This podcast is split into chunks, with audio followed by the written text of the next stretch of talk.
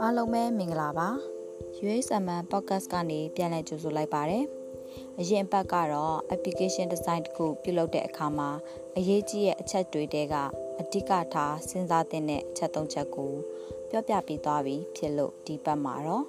mobile app design တစ်ခုပြုလုပ်တဲ့အခါမှာအခြေခံကြပြီးအရေးကြီးတဲ့အချက်တွေ ထည့်စဉ်းစားတဲ့အချက်လေးတွေကိုပြောပြပေးသွားမှာပဲဖြစ်ပါတယ်။တကယ်ကောင်းမွန်တဲ့ application တစ်ခုဖြစ်ဖို့အတွက်ဆိုရင် UX ရဲ့ quality ကအရေးကြီးတဲ့အခန်းကနေပါဝင်နေပါတယ်။အခုခေတ် user တွေဟာအရင်ကလိုမဟုတ်ပဲသူတို့ရဲ့ expectation တွေဟာအရန်ကိုညကြလာပါပြီ။လုံတင်တိုင်းမြင်ရမယ်။လုံးဝမဆောက်ချင်ပါဘူး။သုံးရတာလွယ်ရမယ်။ short to the point ပဲဖြစ်စေချင်ပါတယ်။ page တစ်ခုနဲ့တစ်ခု ကူအပြောင်းဖြစ်ဖြစ်အရှင်တစ်ခုခုမှာ interaction လေးတွေပါတာကိုနှစ်သက်ကြပါတယ်။ mobile app design တစ်ခုပြုလုပ်တဲ့အခါမှာအရေးကြီးတဲ့အချက်တွေကအဓိကစဉ်းစားသင့်တဲ့အချက်ကလေးတွေကိုပြောပြပေးသွားမှာပဲဖြစ်ပါတယ်။ပထမအဆုံးအချက်ကတော့ simple responsive UI မှာလွယ်ကူရိုးရှင်းတဲ့ interface မျိုးကိုဖန်တီးခြင်းဖြင့် user တွေအတွက်အသုံးပြုရလွယ်ကူပါတယ်။ နောက်တစ်ခုကတော့ user တွေကိုတစ်ချိန်တည်းမှာ information တွေအများကြီးပြတာမျိုးထက်မရှိမဖြစ်လိုအပ်တဲ့အမှန်တကယ်သိတဲ့နာကိုပဲပြီးစီချင်ပါတယ်။ payment process လိုမျိုး information တွေကိုလိုအပ်ခဲ့ရင်လည်းအပိုင်းခွဲပြီးတောင်းတာမျိုးတွေပြုလုပ်သင့်ပါတယ်။ auto complete လို့ smart feature လေးတွေသုံးပြီးသုံးရလွယ်ကူအောင်လုပ်ပေးတာမျိုး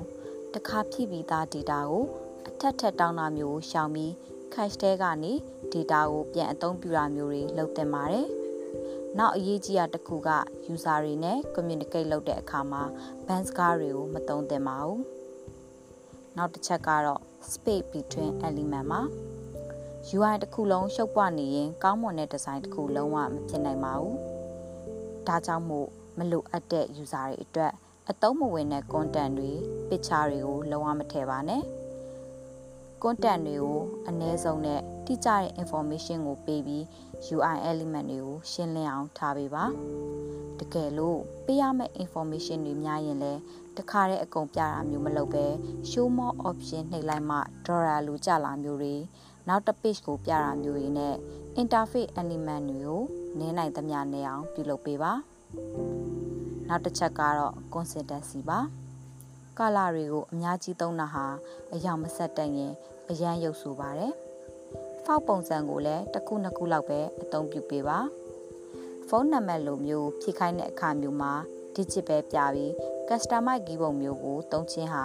user တွေအတွက် confuse မဖြစ်နိုင်ပါဘူး။ဒါပေမဲ့အရေးကြီးတာက normal keyboard ပြလိုက် digit keyboard ပြလိုက်မဟုတ်ပဲအဲ့တစ်ခုလုံး consistent ဖြစ်နေတင်ပါတယ်။ တစ်ခုတစ်ခုကိုတတိထားစီခြင်းနဲ့ဆိုရင် virtual weight သုံးတာမျိုး interaction လောက်တာမျိုးတွေပြုလုပ်နိုင်ပါတယ်။ဇဒုဒ္ဒတစ်ချက်ကတော့ navigation မှာဘယ်စာမျက်နှာရက်ရောက်အလွယ်တကူနဲ့အဆက်လုပ်လို့ရမယ့် button navigation bar ကိုအသုံးပြုပေးပါ။လက်တစ်ဖက်တည်းနဲ့တော့အလွယ်တကူလက်မရောက်နိုင်တဲ့နေရာမှာ button တွေကိုထားပါ။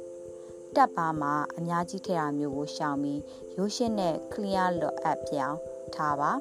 ။အဆက်34နဲ့ပဲပြတဲ့ menu navigation bar လိုမျိုးကိုအသုံးပြုနိုင်ပါတယ်။နောက်ဆုံးတစ်ချက်ကတော့ follow platform မှာအသုံးပြုမဲ့ app ရဲ့ iOS သို့မဟုတ် Android platform ပေါ်မူတည်ပြီးသင်လျော်တဲ့ UI guideline ကိုသုံးပါဒါမှသာ user တွေဟာထပ်တင်စရာမလိုပဲ familiar ဖြစ်ပြီးသားမို့လို့အသုံးပြုရလွယ်ကူစေပါတယ်ပထမ grading setup မှာ what new လို့အများသုံးတဲ့အသုံးနှုန်းများကိုမပြောင်းမဲသုံးခြင်းဟာ user တွေအတွက်အလွန်လွယ်ကူစေပါတယ်။ iOS app တွေအတွက် Apple UI guideline နဲ့ Android app အတွက် Google Material Design Guideline တွေကိုအလွယ်တကူဖတ်နိုင်ပါတယ်။အခုပြောပြခဲ့တဲ့အကြောင်းအရာလေးတွေကတော့ mobile app design တစ်ခုပြုလုပ်တဲ့အခါမှာအဓိကစဉ်းစားသင့်တဲ့အချက်ကလေးတွေပဲဖြစ်ပါတယ်။ နောက်အပတ်တွေမှာလည်းဘလို့အကြောင်းအရာတွေဘလို့စိတ်ဝင်စားစရာလေးတွေပြောပြမလဲဆိုတာကိုဆက်လက်ဆောင်ပြောနားဆင်ပေးကြပါအောင်ရှင်တခြားသိချင်တဲ့အကြောင်းအရာလေးရှင်လဲ USMM ရဲ့ Facebook page ကနေ request လုပ်လို့ရနိုင်ပါတယ်